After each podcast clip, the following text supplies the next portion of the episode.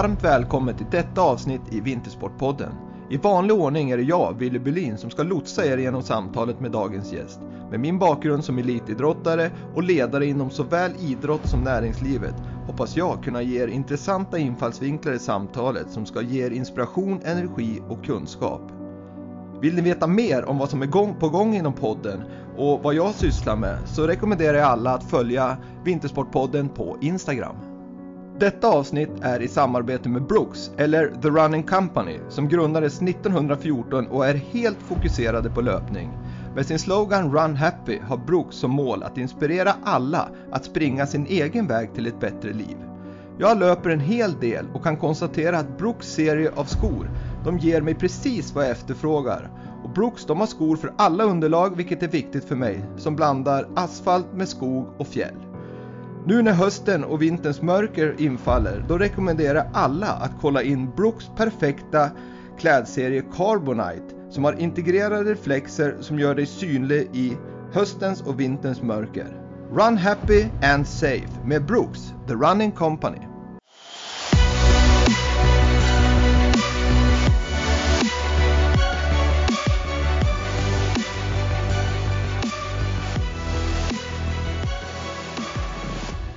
Dagens gäst i Vintersportpodden, hockeylegenden och numera framgångsrika företagaren Jonas Bergqvist. Varmt välkommen till Vintersportpodden Jonas. Tack snälla. Att ha en sån här legend eh, i Vintersportpodden det är ju för mig en stor ära och ehm, då pratar vi idrottsmässigt men, men tittar man även vad du har gjort på om man säger inom det näringslivet efter karriären så imponerar det minst lika mycket på mig och det är saker vi ska prata om här i dagens podd. Vad tycker du själv? Har, har idrotten eller näringslivet, vad är det som du känner liksom att du har fått mest energi av? Det är väl livet i stort. Den här eh, möjligheten som jag verkligen har haft att eh, få stå på bägge benen hela, hela vägen. Och jag var ju en av de där sista i min generation som kunde ha ett jobb och studera bredvid den aktiva karriären. Så jag förberedde mig för livet efter. Så när jag väl klev av som 37-åring som, som aktiv spelare så hade jag ju byggt upp en civil karriär där jag kunde kliva ut och möta resten av livet. Och det, det är väl det som har gett mig energin, att känna mig som en, en hel människa. Ja, det, det är otroligt intressant att höra Jonas och, och, vi ska komma in djupare på de här frågorna för det är precis det som dagens avsnitt ska handla lite grann om. Naturligtvis ska vi vara inne och toucha på din karriär som är imponerande men sen ska vi prata ledarskap och skillnaden mellan idrott och näringslivet, livet efter karriären och se hur kan man planera liksom under karriären för att möta livet som ändå är ganska långt efter det att man är 37 år tills att man går i pension. Och sen titta lite på svensk hockey. Hur är statusen där just nu och vad kan vi göra framåt? Men innan det Jonas så vill jag köra din lilla vad ska jag säga, ditt CV, för det tycker jag är så imponerande så jag måste dra det även om det är väldigt, väldigt långt. Men jag börjar med att säga att du har 272 landskamper vilket är absolut det är näst bäst i Sverige så att säga. Det är en annan skåning, Jörgen Jönsson, som, som besitter något fler landskamper. Du har tre VM-guld, ett OS-guld, ett SM-silver. Du har vunnit bragdguld 87, Guldpucken 96, invald i Svensk ishockeys Hall of Fame och medlem i Svenska idrottsakademin. Och inom näringslivet så har du varit VD i Leksands IF i sju år, expert på Viasat, VD för LRF Konsult, koncernchef på AJ Produkter, kontorschef på Swedbank under många år, sen regionchef och rörelseområdeschef i två, tre år. Numera är du egenföretagare i företaget 272 AB som jobbar med ledarutveckling och grupputveckling, föreläser och är mentor i, till olika både yngre och äldre eh, kommande affärsmän och kvinnor. Du sitter i ett antal styrelser, du har skrivit en bok som heter Rekordmannen där du beskriver ditt liv och din idrottskarriär. Och mycket, mycket mer gissar jag, men det här är för mig otroligt imponerande facit både idrottsmässigt och vad du har gjort efter karriären. Vad säger du själv så här med när du tittar bakåt? Jag tycker det är så otroligt skönt när man kommit upp i den åldern nu att man kan få vara lite nostalgisk stolt och eh, väldigt tacksam över det man har fått vara med om. Och allting som du nu har rabblat upp där, det är, det är ju fascinerande att man hinner med det under en, en livstid på något sätt. Eh, men för mig så ligger det ju så mycket ansträngningar, ansträngningar kraft och insatser som, som jag dockar på de olika sakerna som, som, som har landat rätt i livet. Och jag känner mig väldigt, eh, som sagt var, stolt över det, att jag har lyckats med det. Mm. Ja, det, det är ju väldigt, väldigt liksom att man, att man, jag tycker det känns väldigt, väldigt klok som människa just när du pratar om, om idrotten men även då hur du förberedde dig för att gå in och, i, i näringslivet och hur du hittar just den där äh, energin i båda de sakerna, att du jobbade under slutet av din karriär och, och, så vidare. Men, men vi börjar lite grann med, vem är Jonas Bergqvist? Du växte upp i Hässleholm. Och... Ja, jag, jag, är ju född i Hässleholm och mm. eh, redan mitt första levnadsår så tog min pappa då som var en riktig entreprenör, han tog med sig hela familjen och startade ett företag i, i Ängelholm inom tvätteribranschen. Han hade scoutat marknaden i södra Sverige och såg då att i Ängelholm fanns det en vit fläck. Och dit kom jag ju då eh, i tidiga år. Tidiga år. Ehm, började jobba i företaget redan när jag var sex år gammal egentligen. Det, det är ju så, är man uppfödd i en entreprenörsfamilj så tror jag att många känner igen sig att man får vara med och hjälpa till väldigt tidigt. Och jag är minst i en syskonskara på, på fyra stycken. Mm. Och jag vill inte vara sämre än mina syskon så att redan när jag var sex år så hade jag mitt första avlönade jobb. Eh, jag tror de flesta har varit på kemtvätt någon gång när man har en sån här stålhängare så ligger det en pappskiva på den. Mm. Och eh, den pappskivan sätter någon dit kan jag säga. och det var mitt första jobb. Jag skulle få ett öre styck för det där. Och eh, jag gjorde 903 galgar på åtta timmar. Och gick in till min pappa och sa att jag vill ha lön.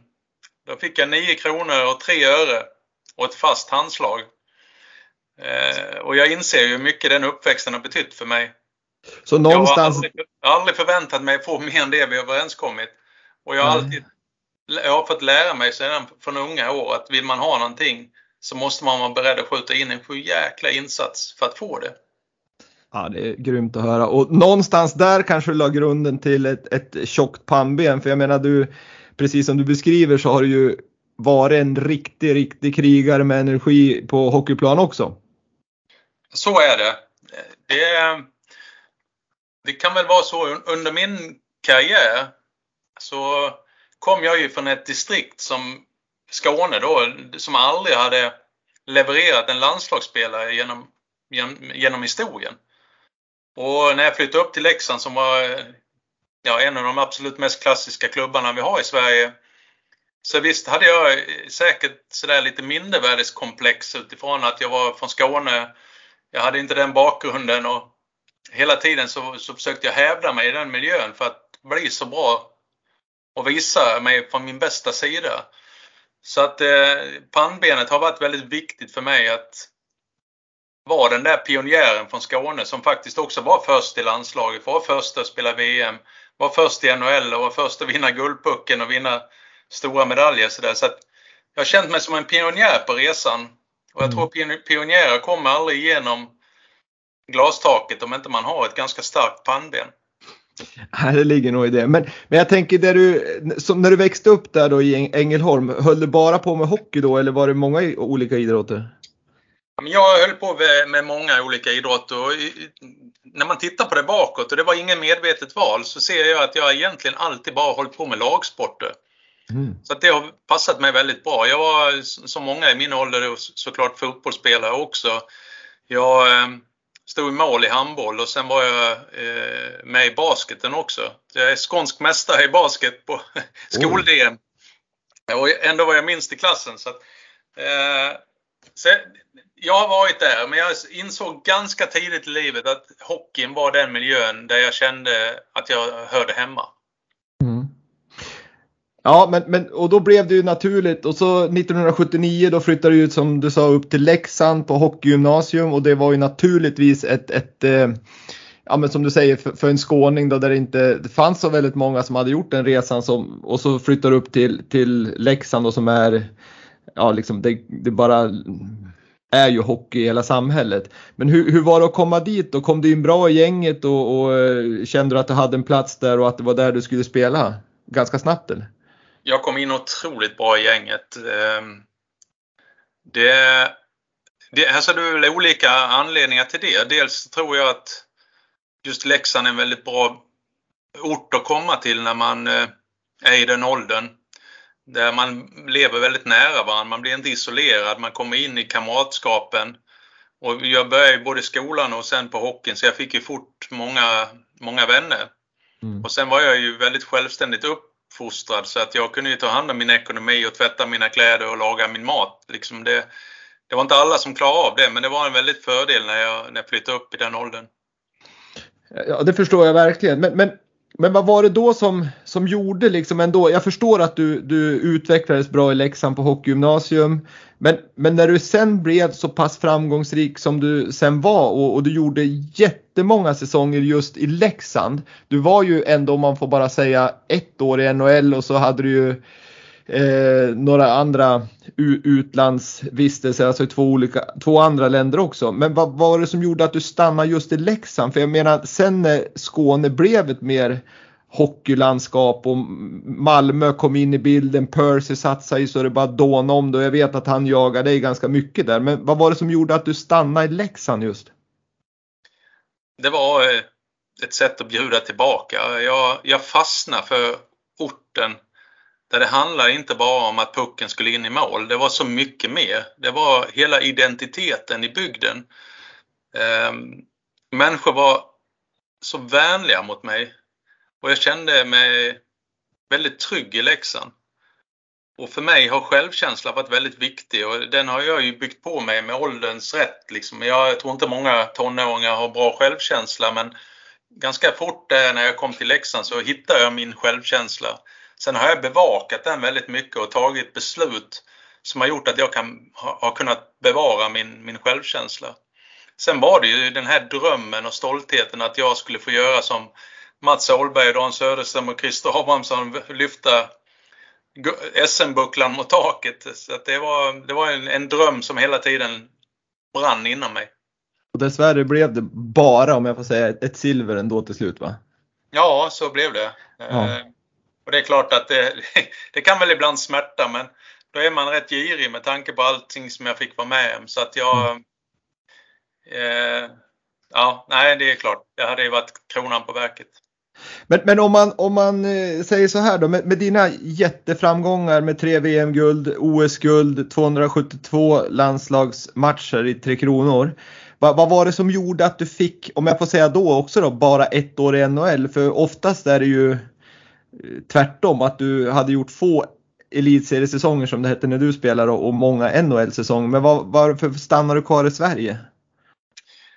Det var det kan man väl säga när det gäller Kanada och det äventyret där så blev jag ju listad när jag var, eller jag flyttade över när jag var 27 år. Och det var rätt långt in i livet. Jag hade en, en fast plats. Jag spelade i, i första kedjan i i Leksand och i de två första kedjorna i landslaget år efter år. Jag hade ett fast jobb på banken, jag hade mitt hus, jag hade en väldigt trygg miljö där jag kände att jag betydde någonting för, för allt. Och så kom jag över till Kanada och kom till ett lag som precis hade vunnit Stanley Cup, fick spela rätt lite, kom in väldigt bra i gänget, trivdes superbra och de gånger jag fick spela gick det bra. Ehm, jag tror det jag försökte beskriva lite grann om min självkänsla, att jag bevakade den rätt hårt så eh, var det nog där och då det beslutet jag tog utifrån att jag kände att jag, jag ville tillföra någonting. Jag ville vara en del av någonting, inte bara hasa mig fram och tillbaka på bänken och, och spela 6, 7, 8 minuter per match. Utan jag tycker att hockeyn hade gett mig så mycket roligt och jag ville att det skulle vara på den nivån. Eh, så att jag tog ett beslut att flytta hem, även om jag, de vägrade släppa mig utan de hyrde ut mig ett år till Tyskland och försökte sen få över mig till, året, till slutspelet det året men då valde jag att åka till VM istället. Så, så här efteråt så kände jag väl, eh, nu kan jag tycka när jag är i den situationen jag är idag, att jag kanske skulle gett en, en, en ytterligare chans. Men där och då så tyckte jag att jag hade bevisat för mig själv att jag kunde spela i NHL och, och eh, tyckte att jag ville göra något annat där jag, där jag fick spela mer. Mm. Eh, det enda som är nackdelen är att folk inte tror att man kunde spela i NHL och det, det kan jag väl reta mig lite grann på. Jag hade ett väldigt bra år där jag fick bra, bra rekommendationer från tränare och bra relationer med mina med, medspelare och sådär. Så att det var, det var många olika anledningar. Det var nära att jag höll på att bli tradad precis i slutet på, eller i mars där vid trade-datumet. Och när jag inte blev det, då, för de sa att de fick inte vad de ville ha för mig. Då, då ledsnade jag och flyttade till, till Europa. Så kan man säga.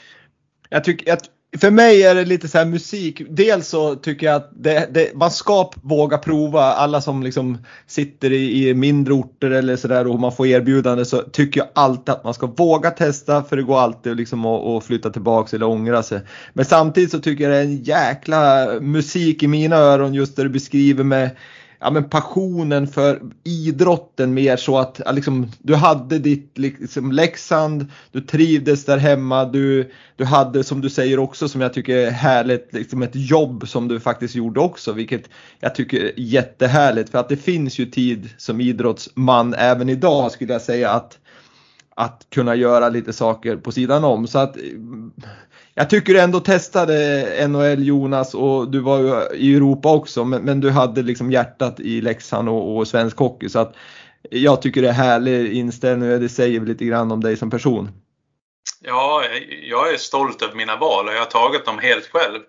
Mm. Och eh, det är klart, hade jag tackat ja till att åka över till slutspelet 91 så hade jag inte fått göra mål i VM-finalen och vinna med 2-1 91. Så det, det, är så det är så många olika dörrar som man har valet i sitt liv att gå in i eller, eller stanna utanför. Och jag är, jag är väldigt nöjd och, och glad för de, de dörrar jag har vågat gå in igenom. Ja, härligt att höra. Om vi ska ta sista liksom, eh, ämnet kring, kring Jonas Bergqvist som person. Vad var det som, eller vem, vad, vad är din unikitet som har gjort att du dels att du har haft en framgångsrik idrottskarriär men även då att du har lyckats så pass bra om man får säga lyckas men du har ju nått höga positioner i alla fall inom näringslivet. Va, va, varför har Jonas Bergqvist gjort det? Ytterst så tror jag det handlar om eh, nyfikenhet och eh, en vilja att hela tiden intellektuellt utmana mig själv. Det, det tror jag är de två liksom, springande punkterna. Att jag har hela tiden varit nyfiken på nästa steg. Eh, och varit väl, alltså det har jag väl förstått efteråt att jag reflekterade väldigt mycket över mina egna insatser, andra ledares som jag haft då beteende och så satte jag ihop det någonstans under resans gång i mitt inre.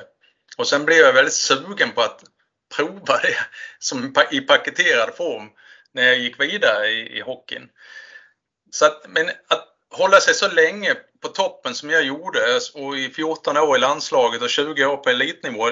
Det, det krävs ju många olika delar för att klara det. Dels, det vet väl alla att man måste ha ett rejält pannben och det har vi pratat om. Jag, den här personliga drivkraften kopplad till en ödmjukhet att ja, du är här nu. Det har gått bra.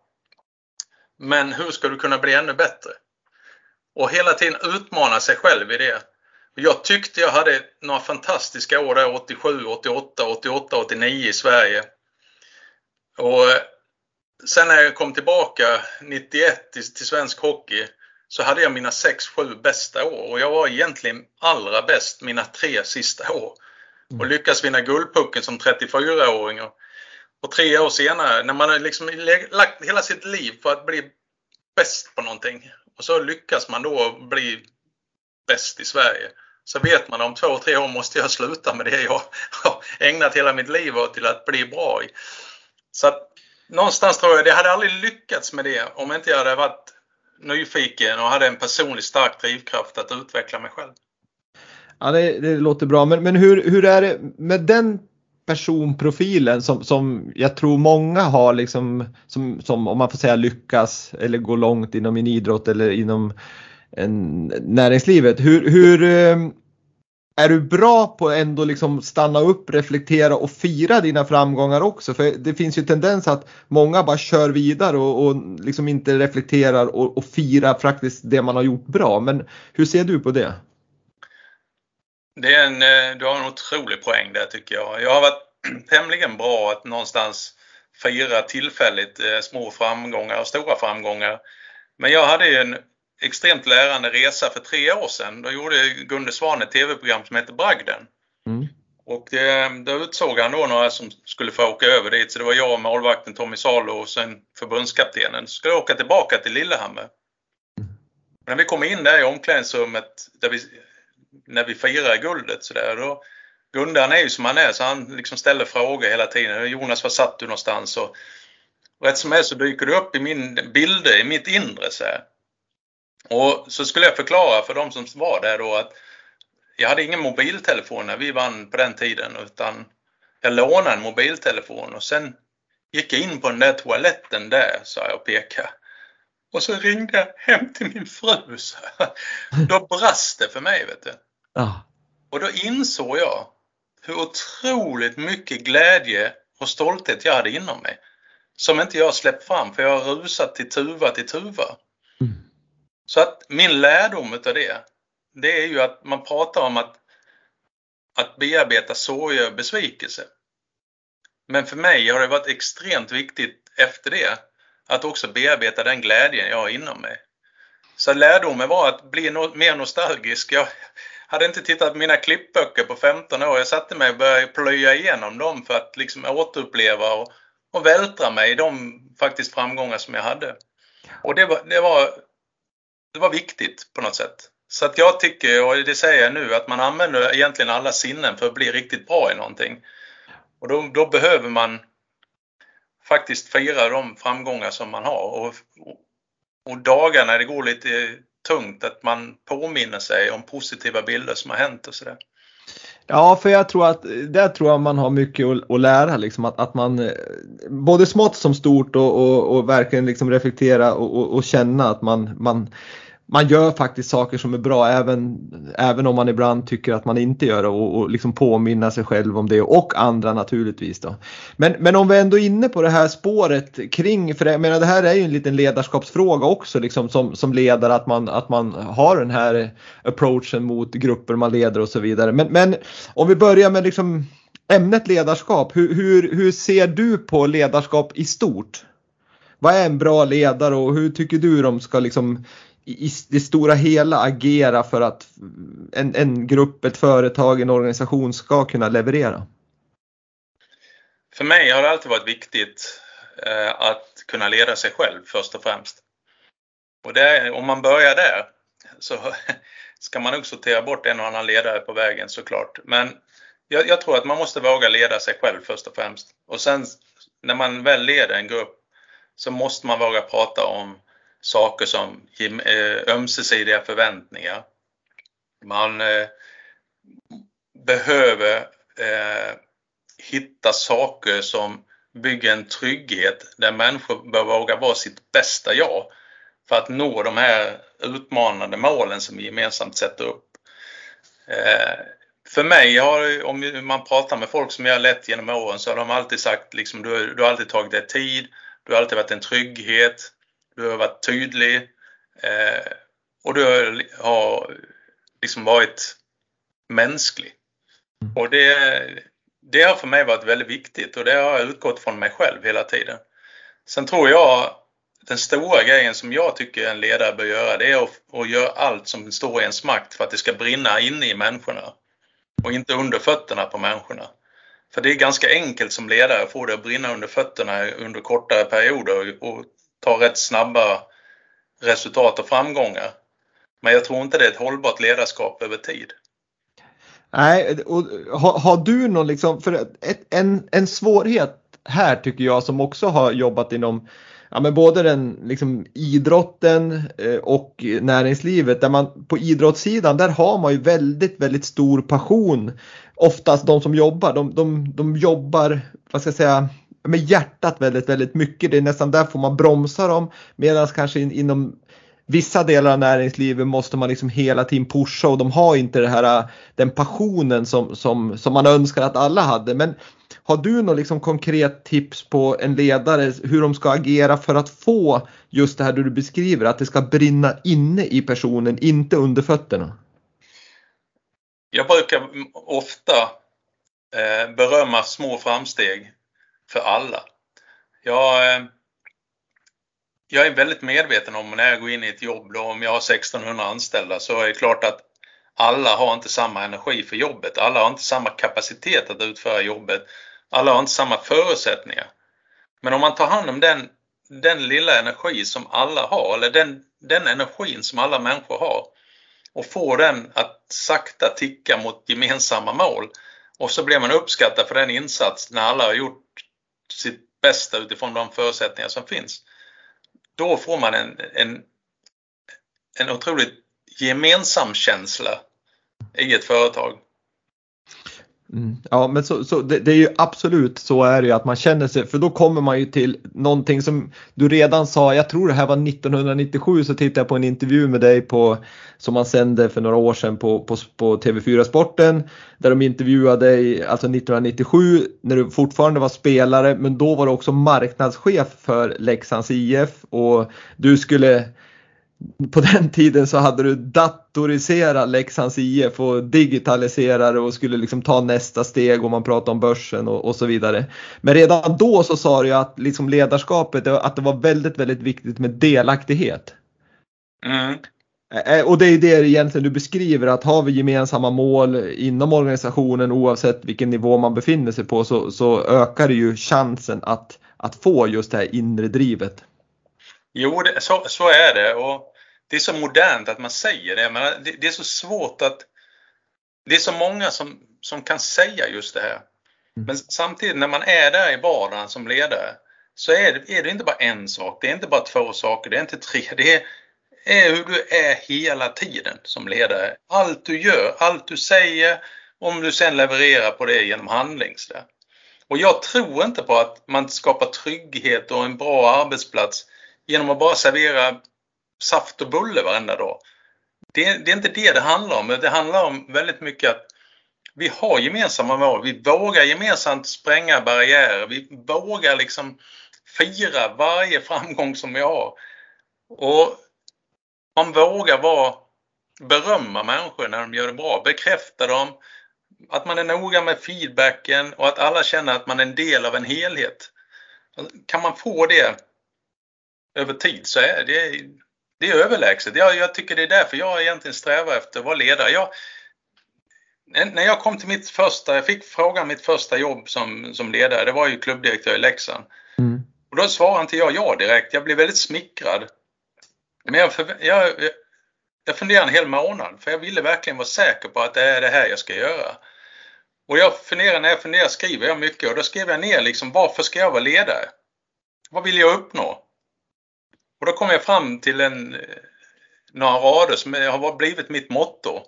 Det är att jag vill skapa en, en inspirerande arbetsmiljö där motiverade människor trivs och vill utvecklas. Och det har varit mitt motto hela tiden under de här gångerna jag bytt branscher eller, eh, eller nu när jag driver mitt eget företag. Då är det visionen att hjälpa andra företag att hitta en inspirerande arbetsmiljö där motiverade människor trivs och vill utvecklas. Så kan man då säga, ja det är jätteviktigt med budget, det är viktigt med affärsplaner, det är viktigt med visioner. Ja, det är det. Men om vi har den här inspirerande miljön i botten så gör vi alla de där delarna mycket, mycket bättre. Så det, ja, har, det... har varit min, min drivkraft hela tiden.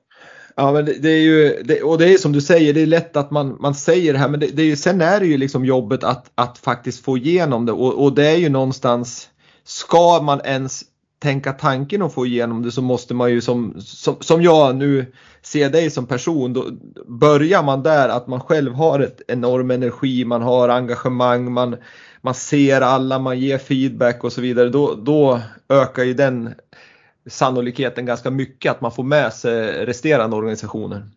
Nej, men som ledare är du du är så otroligt viktig i symbolvärdet också. För dina medarbetare, de de behöver en tillsammans, alltså hela livet är ett tillsammansprojekt på något sätt. Och man behöver någon som leder gruppen. Och många medarbetare speglar sig i hur ledaren är. Och kommer jag till jobbet och bär med mig en massa skit vet du, och har en, ett, en taskig attityd när jag går in genom porten. Då möter jag sådana människor hela dagen för de speglar sig i mig. Om jag däremot kan liksom parkera mina personliga problem i bilen och komma in, vara den som man förväntas vara. Jag hörde Hans Westberg en gång, jag hade honom på näringsliv, näringslivsdag när jag var chef på, på banken. Mm. Och då sa han det, han hade 180 länder, jag tror det var 100 000 medarbetare. Många träffade han kanske en gång på 10 år eller 5 mm. år.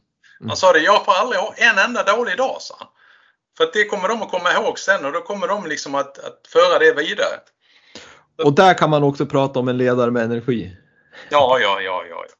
Jag, jag jämför mig inte med Hans Westberg, men, men jag, jag, jag, jag, tror på det. Alltså, jag, vet, när man var klubbdirektör i Leksand, det var, du, vet, du kunde ha en match i arenan, 8000 personer. Du började halv åtta på morgonen. Allting gick ut på att vi skulle ta hand om de 8000 på bästa möjliga sätt. Det var 700 sittande ätande. Det var, man var på tre, fyra olika ställen innan och pratade med sponsorer och alltihopa. Allt flöt helt perfekt. Och sen i slutsekunderna så får man stryk med 3-2. Och så åker man hem då, hemma vid halv elva på kvällen. Och då, normalt i ett arbete så ska, är man ju väldigt nöjd med den insats man har gjort. Det pratar man ju mycket om, man ska vara nöjd med insatsen, inte mm. utfallet. Men i det här fallet går det inte att vara nöjd för vi är så otroligt beroende av det där resultatet. Ja, sen, absolut. Sen ska jag lägga mig och sova, jag ska duscha och äta frukost. En halv åtta ska jag vara på jobbet igen och då måste jag ha bearbetat allt det här. Och det har jag lärt mig enormt mycket av inom idrotten. Att inom idrotten så är ju faktiskt att förlora, det är en ganska naturlig del utav av helheten. Mm. Men inom näringslivet så förväntar man sig hela tiden att man ska vinna. Och krossa, krossa budgetar, vinna kundavtal. Ja. Men, men, man kan höja priser, man kan göra någon kampanj och sådär. Det, det går inte inom idrotten på samma sätt. Va? Du måste hantera den där förlusten eller motgången. Du kan inte deppa så att du tappar energi för mycket. Du kan bli liksom ledsen, förbannad och sen måste du bli grymt revanschsugen. Du måste säga till medarbetarna, det där det var jäkla inte bra. Men om vi gör de här två, tre grejerna lite bättre imorgon så har vi en fin platå att möta framtiden ifrån. Och jag tror att det är en av ledarens bästa eller viktigaste uppgifter. För människor behöver hopp och då behöver man platåer där man kan ta sig in i framtiden.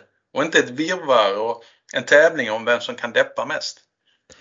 Nej, det är ju musik Jonas. Men, men jag, måste, jag måste komma tillbaks till just det här med, med, med ledaren och du sa ju att, att det, det, är inte rätt att leda med saft och bullar, vilket jag tror dessvärre för många gör. Att man, man, man ska göra medarbetarna jätteglad genom att ge dem eh, saft och bullar i, det här, i fallet eller man ska ge dem ledet eller man ska, det ska vara fest jämt eller vad det nu än är.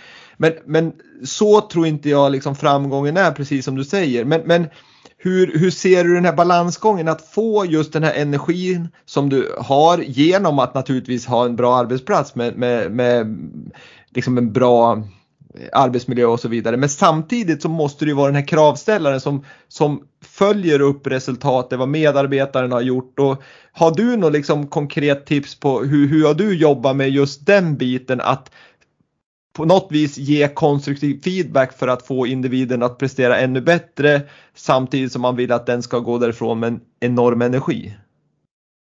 Jag har jobbat lite olika på olika arbetsplatser. Det beror på hur stort företaget har varit. Ehm, men grunden, det är att jag alltid pratar om förväntningar. Och det har ju växt, alltså det kanske inte jag gjorde de första åren i, min, i, i den ledarroll jag hade då. Däremot över tid så har jag alltid pratat, vilka förväntningar har du på mig? och vilka förväntningar kan jag ha på dig? Så enas man om det och då kan man ha samtal runt det. Hur tycker du jag sköter mina, mina, eller dina förväntningar på mig? Hur tycker du jag ska tycka om dina förväntningar som, jag, som du själv har sagt? Och så kan man få en jättebra diskussion där. Och en, ibland så blir det ju så här att har man sju förväntningar på varandra så gör den här medarbetaren fem av dem otroligt bra. Då hittar vi energin i det och sen så hjälps vi åt att hitta tre triggerpoints till nästa gång vi träffas som man kan jobba med. Så man går ut därifrån med att ja, men den här delen, där lever jag upp till de förväntningar som jag sagt. I det här har jag fått stöd nu och lite vägledning. Att gör jag de här två, tre grejerna bra framåt så kommer, så kommer min ledare att bli nöjd med mig. Och det är det jag har hela tiden försökt bena upp och hjälpa dem. För att oftast med, med människor runt omkring en så är det det, är lite skillnad om man leder ledare. Leder man ledare så har de otroligt stora ambitioner.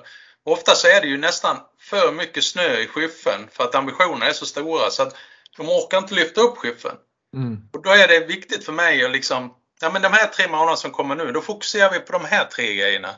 Och så får man känna sig lyckad efter de tre månaderna. Sen när man kommer nästa gång, då hittar vi tre, fyra nya punkter vi jobbar med. Och så till sist så har ju snön töat bort va och det är ju en riktigt fin landsväg att köra på. Liksom. Mm.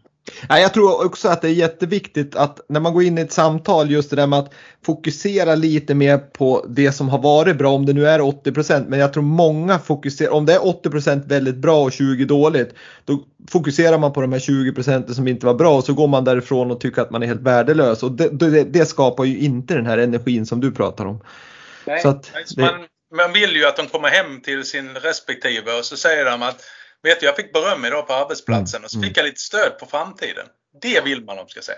Ja, verkligen. Men du, en annat, ett annat litet sånt här, en utmaning som, som ledare ofta står inför det är att man, som du säger, man, man ska skaka av sig sina personliga problem man har hemma kanske med familjen och så vidare och, och ja, saker man gör privat ska man skaka av sig, man ska gå in och så vara den man förväntas vara och, och oftast väldigt liksom positiv och energi, ge en, många, många medarbetare energi. Men, men, samtidigt står ju många ledare inför utmaningen att man får kanske lite lite energi om man har en grupp på 40 stycken som, som, som eh, tycker att livet inte är lika roligt som dig och, och, och liksom sådär. Det är lätt som ledare då att man blir dränerad på energi. Har du något liksom sätt som du har jobbat med för att liksom finna energin ändå i, i när dagen är slut?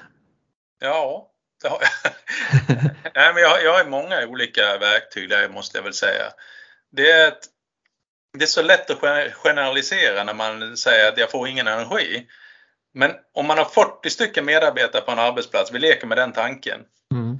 Om man, ingen ger en energi, då får man nog fundera över sitt eget ledarskap. Jag tror snarare det är så att vi fokuserar ju vår egen energi på de som inte vill på samma sätt som en annan. Så när jag har hamnat där ibland och fokuserar, mina 80 av min energi går till de som, som vill minst. Mm. Även om de vill så vill de minst. Och så ändrar jag den energin och fokuserar på de som vill mest. Så lägger jag 80 av min energi på dem kommande månad. Och så jobbar jag stenhårt med det. Berömmer dem, hänger med dem, eh, ger varandra, får energi tillbaka. Och efter ett tag så ser ju människorna som, som man har lagt energin på innan i, i botten att jäklar, ska jag ha chefens gunst där så måste jag nog skärpa till mig lite. Och det, det har, jag har jobbat så. Sen har jag liksom många gånger fått peppa mig själv. Om jag har suttit i bilen och sen känner jag att nu, nu börjar jag bli lite seg här liksom på väg till jobbet. Då slår jag av P1 och allt elände som har hänt och så sätter jag på de skönaste låtarna jag vet.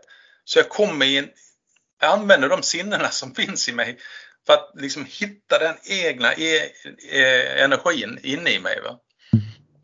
Det, det, är några av de delarna som jag har jobbat med. Ja, och det tycker jag är helt, helt rätt också. Att, att, att fokusera mer på, på de som vill och de som levererar. Och, och normalt sett så är det som du säger, man lägger 80% av sin energi på, på 20% som inte presterar och som inte vill. Och så lägger man 20% på de som de stora delen som verkligen skulle ha din, din uppmärksamhet. Så det tycker jag är en väldigt bra tips att, att tänka på att man, man fokuserar mer på de som vill och de som, som levererar. Då, då tror jag att man kanske får med sig några procent av de här få som, som ligger och skräpar. Framförallt får man med sig alla de som är i mitten. För de, ja, går, exakt. de går dit här där det låter mest. Ja, precis. Man exakt. vill minst och har minst energi att vara en megafon mot organisationen, då får du 85 emot dig. Ja. Men får du, liksom, om du vänder på det och liksom visar med handling att det är här uppe vi ska vara. Då mm. får du de där 70 procenten att gå uppåt och då har du i alla fall 85-90% med dig. Och det räcker för att göra riktigt, riktigt bra resultat. Ja, bra, mycket bra tips Jonas. Det där är verkligen många som, som ska lyssna på för att eh, det låter bra men det, man ska göra det och jag tror att det, om jag får bara säga det är bara att göra det faktiskt för att ja. tänker man på det varje dag och, och, och våga gå den vägen då, då kommer det ge resultat. Ja, men det, bara sista grejen runt det så tycker jag att det är lika när man ska ta beslut i en ledningsgrupp. Sen när man är färdig med beslutet det ska rullas ut så försöker man konstruera det för att de som är liksom, har minst energi ska acceptera det.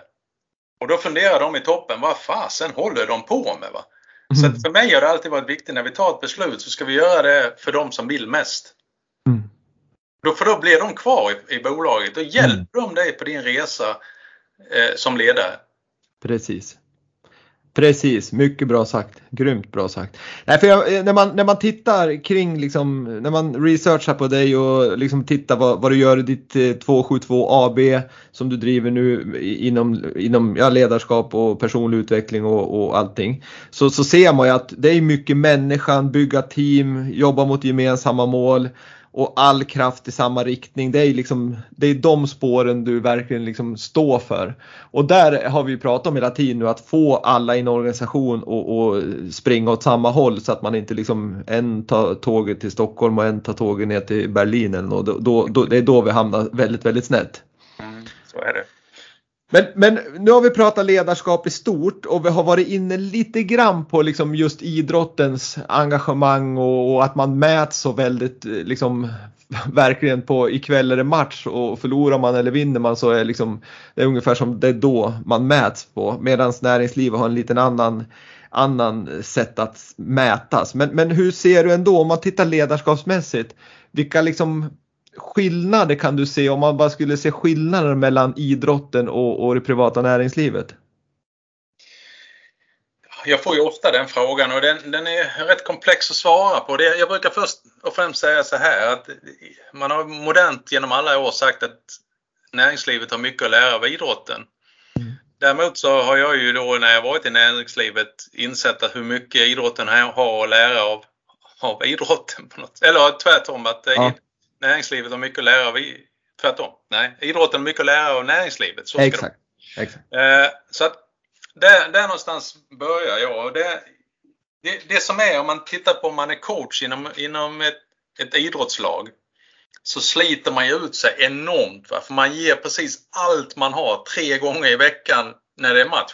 Och sen däremellan så ska man motivera alla till att träna på sitt absolut yttersta.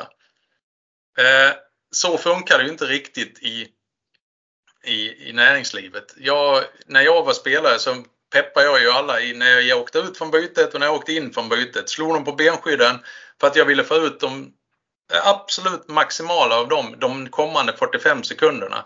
För jag visste att det kommer vara avgörande för hela lagets resultat. Du förstår om jag skulle haft den approachen när jag jobbar på LF Konsult och springa och slå konsulterna på benskydden var 40 sekund, då hade de ju dött. Mm, mm, mm. Så att där, man blir lite mer hållbar i näringslivet. Man kan ju sitta som 15 år. Nu har ju många tränare liksom eh, haft en längre resa i olika föreningar men det innebär ju också att organisationerna har blivit mycket större, att man fördelar ut ansvaret. Att du sköter isträningen idag, du sköter backarna, du sköter forwards. På min tid så var det en tränare som egentligen skötte allting och så hade han någon som hjälpte till att samla puckar och, och, och lite andra grejer. Sådär. Han körde till och med sommarträningen kanske? Ja, till och med det. Va? Så man, det där är ju en stor skillnad. Man ger ju så mycket mer utav sig själv när man är nära ett, ett lag eller en idrottsutövare. För att man, man kan inte gå på halvfart om man ska lyckas på elitidrotten. Det, det går inte. Va? Och jag säger inte att man går på halvfart i näringslivet heller utan man, man går på ett mer hållbart sätt på något sätt. Mm. Men jag tänker på, på det, det, är två saker jag tänker på inom idrotten framförallt och då, och då säger jag framförallt då hockeyn som om vi pratar lite idrott hockey eftersom du är den du är. Där kan jag tycka liksom att tittar man på en, apropå det vi pratade om tidigare, att, att ha den här energin och, och komma in med, med, med, den liksom approachen på, på arbetsplatsen. Så tittar man en tränare i, i, jag ska inte säga att alla, men många tränare i båset de står liksom med armarna i kors, tuggar tuggummi och ser allmänt sur ut och även när det blir mål. Men de gånger de agerar det är när någon gör en felpassning på blå. Och då går det ju emot lite grann det vi har pratat om att, att försöka lyfta fram det positiva. Liksom att de gånger de agerar det är när någon gör en felpass. Och det, det kan jag reagera lite grann på att det kanske är, att det skapar en rädsla hos individen snarare än att man vågar misslyckas. Hur ser du på det? Ja, det, det ser nog många gånger ut att det är så. Jag, jag, jag kan inte säga att jag, inte ens under min tid upplevde jag det på det sättet. Eh, om jag ska vara riktigt ärlig. För att det är ju ingen som vill ha rädda spelare. Det är klart att köra i diket gång efter gång efter gång, då kanske man får en tillsägelse. Eh, man trodde ju också när vi hade gjort en dålig period så, så kommer man ut och gör en bra period. Och det trodde ju alla i media och alla runt omkring nu fick ni en riktig blåsning i pausen. Va? Mm. Det handlar ju inte om det. Du, du vet, ibland kämpar du så du är alldeles blå i huvudet. Och det går inte ändå. Så kommer en tränare in och säger att ni måste börja ta i grabbar. Men vet, jag kan inte jag kan ta i något mer för då sprängs mitt huvud. För det handlar inte om att kämpa hårdare, det handlar om att kämpa på ett bättre sätt. Och Smartare. jag tycker att det utvecklas enormt. Jag har haft superbra ledare genom åren som har kommit in i pausen, kunnat lägga under med 3-0. Som sagt, det är inte så dåligt grabbar. Det är några grejer vi behöver rätta till. Och då plötsligt så faller ju lugnet inom en. Och så säger man, nu fokuserar vi på det här i andra perioden så kommer vi ha ett bra slagläge inför den här tredje. Och det är inte konstigt att man vänder rätt mycket matcher när man har det seendet. Om man, om man skäller på någon som är så stressad i hjärnan, då kan inte den hjärnan utföra det man är riktigt, riktigt bra på. Så att jag, jag håller inte riktigt med om att det är så. Man tror att det är så. Men jag tycker mer att, och jag tror också att tränarna idag, de, de är ju i bild hela tiden. Så de har ju någonstans ett stoneface för att inte blotta sig i, i varken den ena eller den andra känslan. Och Det är också ett sätt att bli hållbar på något sätt tror jag. Mm. Ja absolut och, och, det är ju positivt det, det du säger att, att för, för, för, det kan ju vara en sak som man ser och uppfattar som, som tv-tittare men, men det är ju bra att du får fram ändå att att de flesta tränare jobbar som, liksom, med det positiva och, och, lyfter fram dem. För att det är ju som du säger att speciellt det svenska ledarskapet är ju verkligen så. Om du kanske är hårdare nere i, eller i NHL och sådär, där är det ju en liten annan kultur. Men, men om vi håller oss till svensk ledarskap så är det ju, så är det ju positivt att du säger sådär. Ja, så, så är det. Men, men eh, sen en annan, den andra saken som jag funderar lite grann på det är just den här, eh, man pratar ju också om att en, en trygg medarbetare eh, som mår bra presterar bra. Och så är det ju inom idrotten också såklart, men samtidigt vet vi också att, att eh, tre, fyra matcher, sen börjar man ju prata om ska, ska den här personen, tränare eller spelare, få sparken det är ju lite jobbigt i och för sig då. Hur, hur, ser du på den saken kopplat till en medarbetare på en arbetsplats, vanlig arbetsplats? Ja, men så kan man inte ha det. Ehm, det, det är ju så. Det, elitidrotten är en otrolig prestationsmiljö där man hela tiden har så många delar att, att ta hänsyn till. Och det är inte alltid bara det sportsliga eller det långsiktiga. Det, det är också att det ska komma folk på matcherna så man får pengar att betala räkningarna med. Mm. Att eh, sponsorerna ska liksom fortsätta att pumpa in. Och då ibland är ju uthålligheten hos många klubbar, inklusive eh, den som jag ledde också, att vi, vi hade för lite tålamod i vissa delar. Mm. Eh, samtidigt så är det ju så att det är rätt lätt att snabbt köra i diket med en grupp om inte man får den med sig i en en stark prestationsmiljö utan man får dem emot sig. Då är det rätt stor chans att man inte kan vända på, på resultatutvecklingen. Och, och då är det ju Många funderar ju då på, ja men är det tränaren som ska få gå eller är det, ska man, det är ju sällan sportchefen eller VDn får liksom fundera till för att det är någonstans är det ju de som har skapat det här laget. Ehm, jag kan ju känna ibland att visst kan det vara lättare att flytta på en tränare än 20 spelare. Men jag tror att många gånger så kanske VD, ordförande, sportchef eller vem det nu än är också ta fram sitt ledarskap och jobba med, med kanske gruppen och tränaren för att någonting har ju blivit fel. Så att man får in den här, liksom vända den här kanske negativa trenden och få in det mer positivt för att så, på så vis bli mer hållbar. Är det någonting du känner, håller med om, du som har varit inne i det? Jo, det, det gör jag. Ehm, man, man utvärderar ju sig själv och sina prestationer och beslut hela tiden som ledare i, på olika positioner såklart. Sen är det ju så som, som hockeyn har blivit, eller nu håller oss till hockeyn men det är ju säkert andra lagidrotter också. Att det är ju mycket mer flyktigt idag. Det är inte någon som spelar som jag gjorde 17 år i Leksand. Det är ju väldigt sällan. Det händer ju fortfarande men och då, då är det så här, vilka ska stå för kulturen i den föreningen? Inte blir det spelarna och tränarna för de flyttar ju till något annat lag hela tiden. Mm, mm. Och då blir det liksom styrelsen, kanslipersonal, materialare, eh, sportchef, klubbdirektör på något sätt.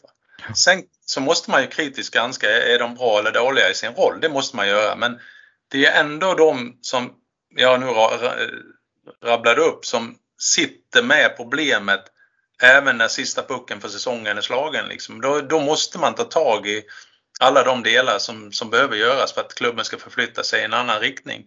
Och det, där tror jag det, man, man glömmer det ibland att i, en, i, i kulturen sitter oftast hos medarbetarna idag, inte hos spelarna lika mycket.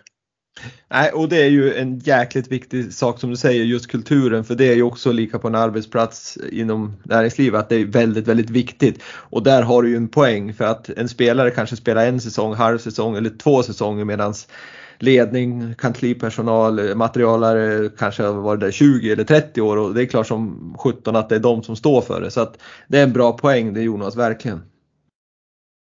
Eh, lång erfarenhet har du haft, många säsonger på, på elitnivå inom, inom idrotten. Du har många år inom näringslivet på höga positioner i styrelse.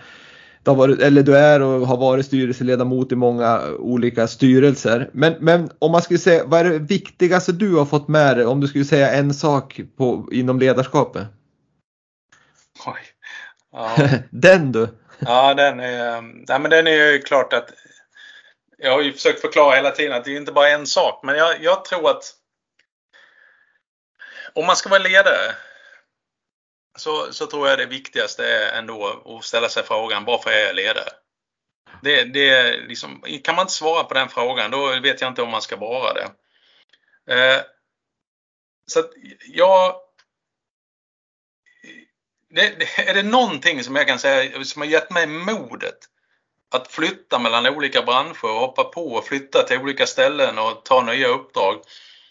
Så är det att jag redan hela tiden har förstått att det är människorna i bolaget som man måste få att prestera på högsta nivå. Så att om inte man förstår det, att det är faktiskt människorna i det som är, är hela grunden till att vi ska lyckas. Det, och det tror jag jag har fått med mig från lagidrotten att alla måste lyckas så bra som möjligt efter sina egna förutsättningar för att det ska gå bra. Och om man då inte författar det när man kommer i ett annat ledaruppdrag att du vet de här människorna som är runt omkring mig ju mer stridsdugliga de är desto, desto mer de är villiga att stoppa in i det här desto större är chansen att vi lyckas tillsammans. Mm. Så det, det, det, är säkert så det är egentligen jag, om jag blir lite filosofisk. Ja men det var ett bra svar tycker jag, verkligen. Och då kommer nästa följdfrågan på den där egentligen. Är det, kan du nämna en förebild du har haft inom ledarskap oavsett om det har varit idrott eller, eller näringsliv? Det, det, det är så, jag egentligen skulle kunna klumpa ihop alla hockeytränarna till liksom vad de har gett mig och alla har gett mig lite grann sådär. Mm. Men när man tar det klivet ändå som jag gjorde från att vara högerytter i laget in och sätta mig som klubbdirektör så, så behöver man någon, någon förebild som har varit i näringslivet bara på något sätt. Och där har jag ju en som jag hade förmånen som rekryterade mig som VD i Leksand. Som var ordförande, han heter Nils-Erik Johansson, han tillträdde precis samtidigt som jag blev klubbdirektör.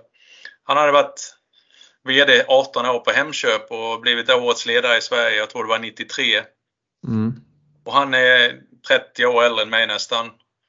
Han, han lärde mig så mycket utan att överhuvudtaget lägga sig i eller trampa på mina tår en enda gång. Utan han var där som ett stöd för mig när jag behövde fråga. Och han lärde mig en sak och det är att som, som, jag, som jag har haft jättestor nytta av. Det är att jag skulle göra en rätt simpel grej. Liksom. Jag skulle kasta en sten i skogen som en symbolisk handling med mina medarbetare. Och jag kanske tyckte då när jag är 37 år, är det här löjligt Nils-Erik? Liksom, Nej, det är skitbra, sa han. Jaha, är det så bra? Så? jo, men du ska veta det, sa han. Det som alla förstår, det ska man göra. Mm. Och det har jag haft med mig. Liksom, göra saker som alla förstår. Att man är proffsig, man levererar med hög kompetens, men man gör det med, med en folklighet, med mm. mänsklig värme och ett välkomnande sätt. Kan man kombinera det där, då tror jag att det, det, det, det, det har han lärt mig så otroligt mycket av. Och jag pratar med honom, trots att han är 88 år idag, så pratar jag med honom varje vecka fortfarande. Härligt. Det måste ju han få en enorm energi och, och stolthet av också. Ja, nej men vi, jag tror vi, blir, vi hjälper varandra genom livet. ja, det är grymt. Och, och vet du Jonas, med, med, med det här samtalet om, om ledarskap med dig och din personlighet så förstår jag att ditt mentorprogram som du har i, i ditt bolag är fulltecknat. Det, jag, jag känner att det är full förståelse för att att du har mycket att dela med dig av till de som är på, på uppgång i, i sin karriär och, och ha dig att bolla sina frågor med och få tips och tricks. Det, det tror jag stenhårt på. Ja. Och det måste också ge dig en hel del inspiration och, och lära, lä, som du lär dig mycket av, precis som Nils-Erik får kanske tillbaks av dig nu att du liksom fortfarande liksom bollar med honom så måste ju de här yngre personerna som du har i mentorprogrammet ge dig en del. Men det är ju det som är det fina i det. Och jag som är van att ha eh, olika ledare runt mig som är lätt och sådär. Plötsligt så, så har jag sex stycken mentor, eller mentoradepter som är i sex olika branscher, olika åldrar, olika kön. Och, och så har jag dem runt omkring mig som jag liksom intellektuellt kan utvecklas i de här, lär mig de här branscherna. Jag lär mig liksom deras sätt att angripa olika saker som gör mig till, till en helare person. Så det är det är klart att det är en win-win i det och jag, jag, jag brinner ju för att hjälpa andra. Mm. Så det är jättekul. Ja det förstår jag verkligen och grattis till er som är med i det här mentorsprogrammet. Men, men eh, vi, vi, har pratat mycket ledarskap nu vilket var tanken. Vi ska också in på ett ämne som, som, eh, som jag tycker är väldigt viktigt när jag tittar på idrottare som, som är på både jättehög nivå men även på kanske lite lägre nivå. Men det är ju just det här med hur planerar man under karriären för livet efter karriären.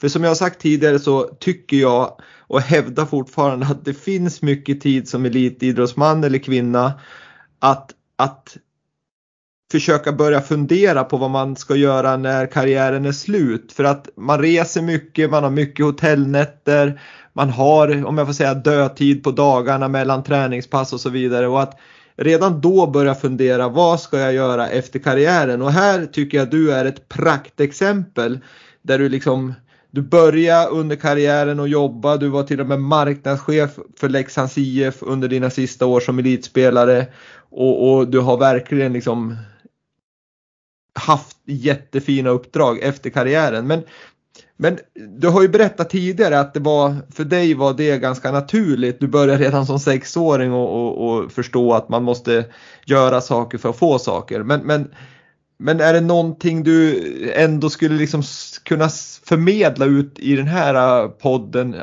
till de som lyssnar som sitter i den här situationen? Ja, det vill jag gärna göra för jag tycker det är en enormt viktig sak för att man, alltså, min pappa sa till mig när jag skulle flytta till Leksand att se till att göra någonting bra bredvid idrotten för att hockeyspelare är du till 30 års ålder. Men människa det är du för resten av livet. Mm.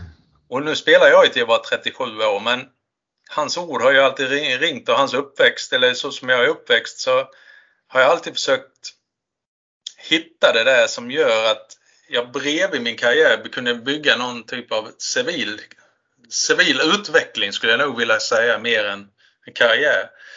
Och där, där tycker jag det är så många delar i det där för att en är ju liksom att ha ett jobb och lära sig på arbetsplatsen. En annan är kanske att läsa en instegskurs på högskolan. Eh, en tredje är att faktiskt bara börja läsa böcker eller följa med i samhällsdebatten. För att en dag vet man med all säkerhet och det är att det kommer ta slut. Och man får så mycket positivt när man är elitidrottsman. Man får grejer och man är med i ett sammanhang och man, man har givna mål varje dag och man, man är van att vara omsjungen och allt det där. Och ja, man står i rampljuset, man står ja. ju i, i, mitten av liksom kakan. Och man vet vart man ska rikta energin varje dag man går upp. Och plötsligt när så avslutas det. Mm. Och sen är det faktiskt så att livet går vidare. Det kommer nya elitidrottsmän som fyller ens plats.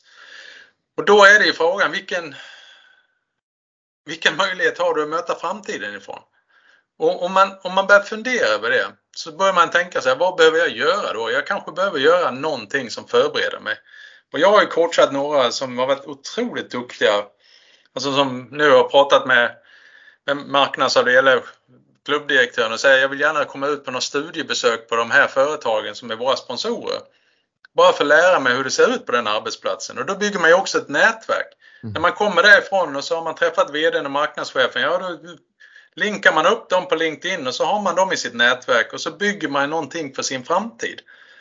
Och jag, jag har mått otroligt bra av det och det är ju också så att jag aldrig varit bitter på min karriär. Jag har aldrig saknat det på det sättet som man skulle kunna tro. Jag har bara hittat den där glädjen och tacksamheten att jag faktiskt fick vara med på den tiden. Och sen går mitt liv vidare där det är idag från en fin platå. Så det innebär ju liksom att man om, om man börjar tänka de tankarna, vad kan jag göra i min vardag för att jag också ska ha en lite högre platå att kliva ut på den dagen jag slutar. Då hittar man säkert någonting som är bra. Ja, för, jag, jag, för mig är det här, liksom så här superviktigt och jag, alla som jag känner som är aktiv på något vis, jag, jag pratar verkligen gott och varmt om, om just det du säger. Och, och Sen, sen, sen, är ju inte alla så här, ja de kan vara ung och de är inte mogen och de tänker liksom, de har det ju bra nu, de får en hyfsad lön under, under liksom sin aktiva karriär och de, de står i rampljuset och alla vill ha dem och de ska vara med i poddar och de ska vara med hittan och dittan. Men, men som du säger, en dag tar det slut och, och, har, de inte liksom, har de inte kloka människor runt om sig som, som ger dem de här liksom tipsen som, som du har gett nu. Eh, hur, hur skulle vi kunna bli bättre om man tänker på förbundsnivå? I vissa idrotter så tävlar man ju mycket i förbundet. Jag menar tar alpint så, så är man ju verksam i förbundet för det mesta. Klubbverksamheten är ganska liten för de här eh, eliten. Medan i mm, SHL-spelare till exempel, där är ju klubbarna stor. Hur, hur, hur skulle de kunna förbättra sin del i det här att förbättra, eller skapa förutsättningar för de aktiva under karriären att verkligen lägga grunden för sitt, sitt liv efter karriären? Ja, men det finns ett kollektivavtal då, som är skrivet mellan spelarfacket och de olika klubbarna. Och där mm. står det också en del, tror jag, om jag inte missminner mig helt, att, att man ska se till att liksom kompetensutveckla och se till att det finns ett liv efter och så. Och jag tycker fler och fler klubbar har blivit riktigt bra på det. Eh, senast jag såg nu är att Frölunda hade utbildat några av spelarna som är ute och pratar i skolor till exempel. Det är en, en del i en utveckling som är, gör att man är, blir en mer en bredare person på något sätt. Verkligen. Eh, jag, jag, jag, tycker att det största hindret det är faktiskt spelarnas egna, egen drivkraft och förståelse för det här. Eh, jag tror att många klubbar är beredda att hjälpa till ganska långt att få eh, dem till att läsa några poäng på högskolan eller komma på studiebesök på olika företag.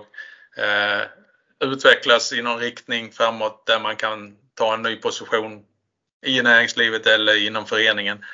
Det, jag tror att det händer mer ofta idag men det, det gäller verkligen att spelarna, spelarnas föräldrar, spelarnas agenter, spelarnas rådgivare överhuvudtaget för också förstå att det är inte att vi ska tjäna pengar på den här spelaren fram till han är 37 år och sen tar vi in några nya så skiter vi i dem.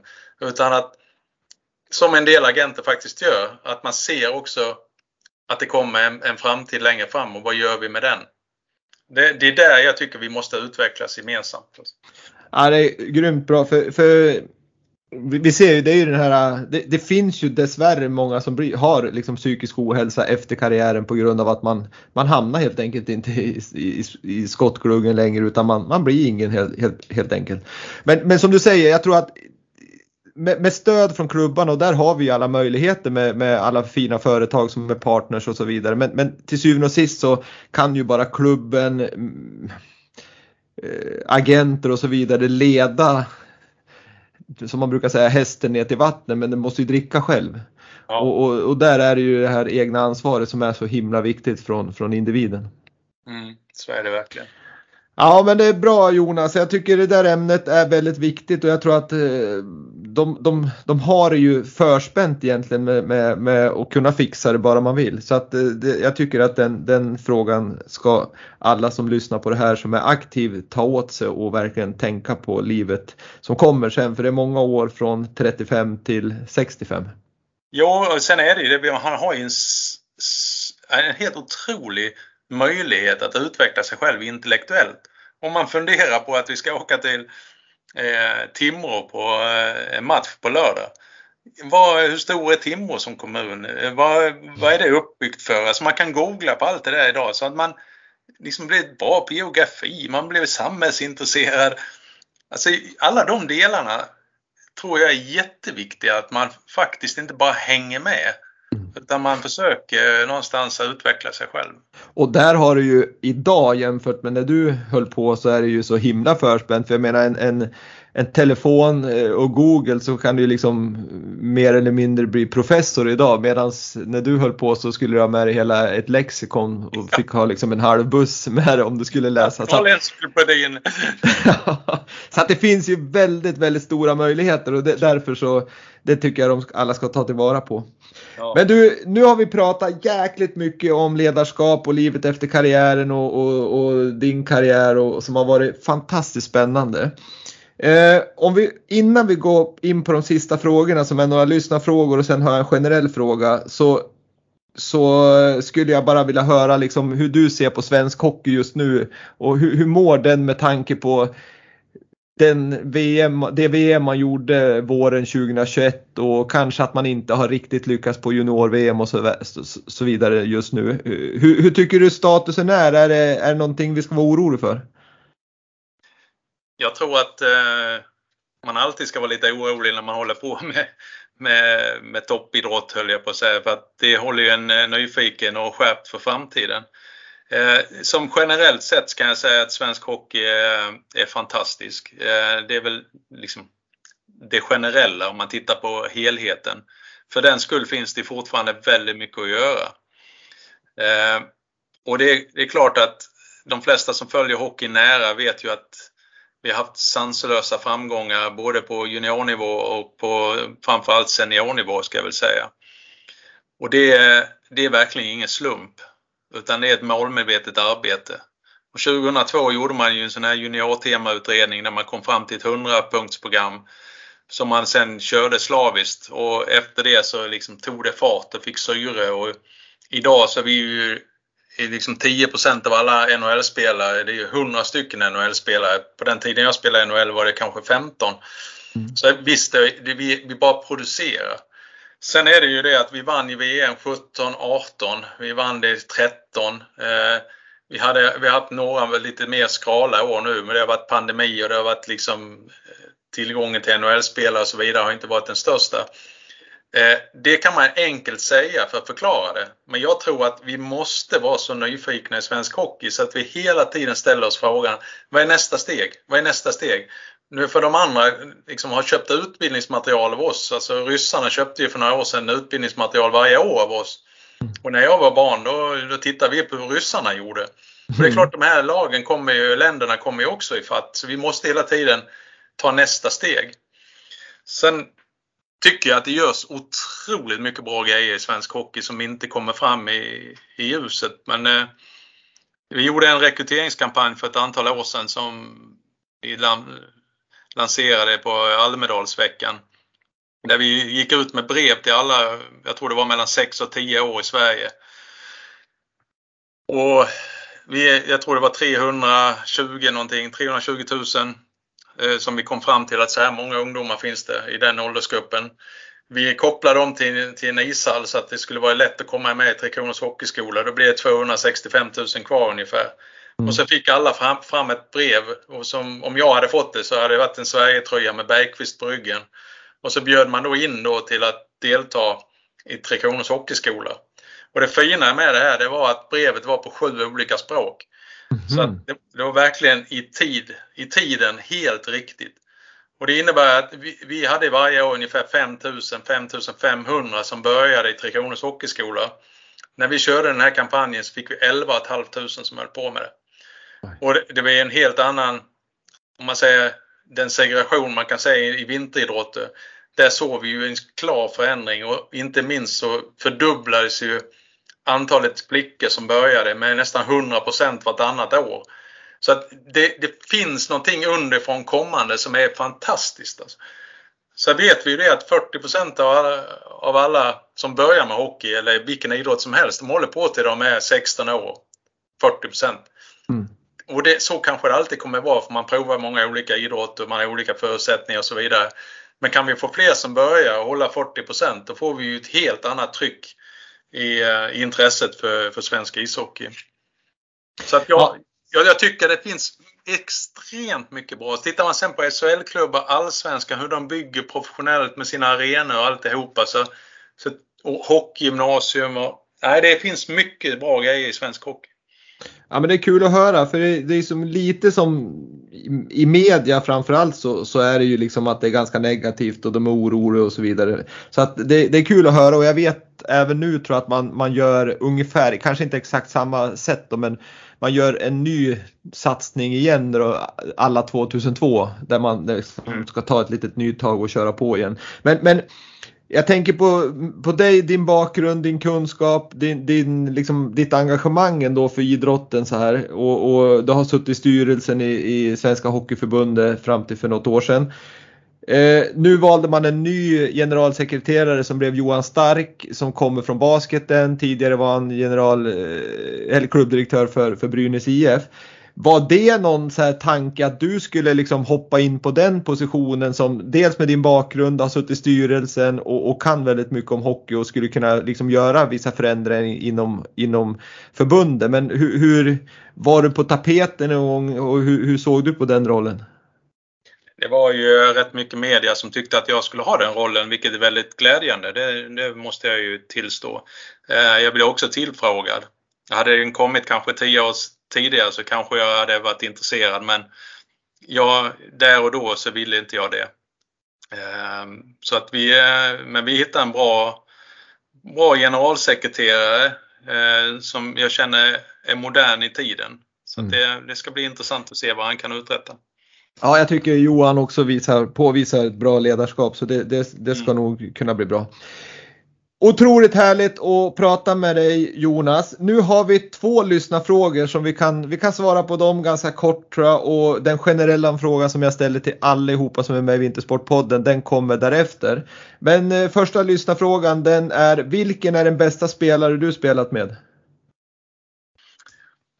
Ja, det, jag måste säga Foppa det faktiskt för att jag fick ju förmånen att spela med honom två år i samma kedja i landslaget. Och han, eh, när han hade sina bästa stunder var han världens bästa spelare. Men sen är det klart, jag spelar med fem stycken Hall of Famers i, i, uh, i Calgary också. Så Makarov satt jag bredvid i omklädningsrummet och umgicks med privat. Så det, det, är en lyxgrej. Men jag, eh, ska jag säga en så måste jag ändå säga Foppa. Var, var det lite så med Foppa som man, som man brukar säga, håll klubban i isen så gör du mål? ja, ja, men det är klart det tar ett tag att lära sig spela med en sån Eh, fascinerande spelare. Det är, liksom, det är, det är någon nivå till. Eh, mm. Där man behövde hjälpa andra spelare att ta sig fram. Det sa han bara, det där löser jag själv. mm. Ja, det är härligt. Ja, en stor spelare han också. Eh, en annan fråga som har kommit det är Vilken är din bästa kompis från idrotten? Eh, Ja, det vet katten om jag kan ta en, men eh, jag förstår det. det. Det, finns några som jag umgås väldigt mycket med fortfarande och en av dem är Håkan Södergren. Vi är väldigt mm. olika varandra, men vi, vi spelar ju 100 landskamper i samma kedja tillsammans. Och sen jobbar vi på TV på åtta år tillsammans. Och eh, vi, vi ses varje år fortfarande. Så att han är ju en utav dem. Sen har jag Thomas Rundqvist och Och i Leksand har jag ju Thomas Jonsson som en fantastisk eh, spelare. Jag har andra som inte kanske nådde landslaget på VM-nivå men P.O. Karlsson i Leksand är också jättefina vänner. Mm. Så det, det, jag förstår. Jag det är förstår. många. Ja, jag förstår det. Jag förstår det. Eh, ja, Håkan är ju kvar han som, som expert på via Play där. Så att ja, han, han är forever young. Han, han hänger i. Det är härligt. Då tar vi den generella frågan som också kan besvaras väldigt kortfattat och typ med ett ord eller två kanske. Men, men den lyder så här. Nämn en framgångsfaktor för att lyckas med idrott. Personlig drivkraft. Kanon. Mycket bra. Eh, det har varit många som har varit inne på samma spår. Glädje, en annan eh, passion och ja, det är sådana där saker som de har lyft fram. Så att personlig drivkraft, det håller jag fullständigt med om.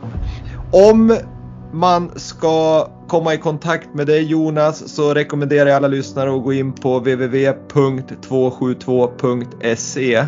Där kan ni läsa mer om vad Jonas håller på med idag och som ni har hört i den här podden så skulle jag nog rekommendera många att kontakta dig i, i form av föreläsare eller i form av eh, ja, mentor eller, eller vad det nu än är. Har du något annat du vill tillägga just i den biten? Nej, det har jag inte utan jag är jätteglad om någon tittar in på 272.se. Ja, det tycker jag alla ska göra. Men det har varit jättekul att prata med dig. Vi har hållit igång i eh, en timme och 15 minuter ungefär och jag är superglad. Jag är imponerad över dig som person, vad du har gjort och, och framförallt dina värderingar tycker jag verkar vara väldigt, väldigt bra. Så att eh, jag och Vintersportpodden tackar dig för att du ville vara med här och dela med dig av din, dina kompetenser och din syn på ledarskap och så vidare och önskar dig all lycka med ditt företagande framåt. Tack så mycket. Tack för att jag fick vara med. Kanon. Ha det bra. Hej hej. hej. Hej hej.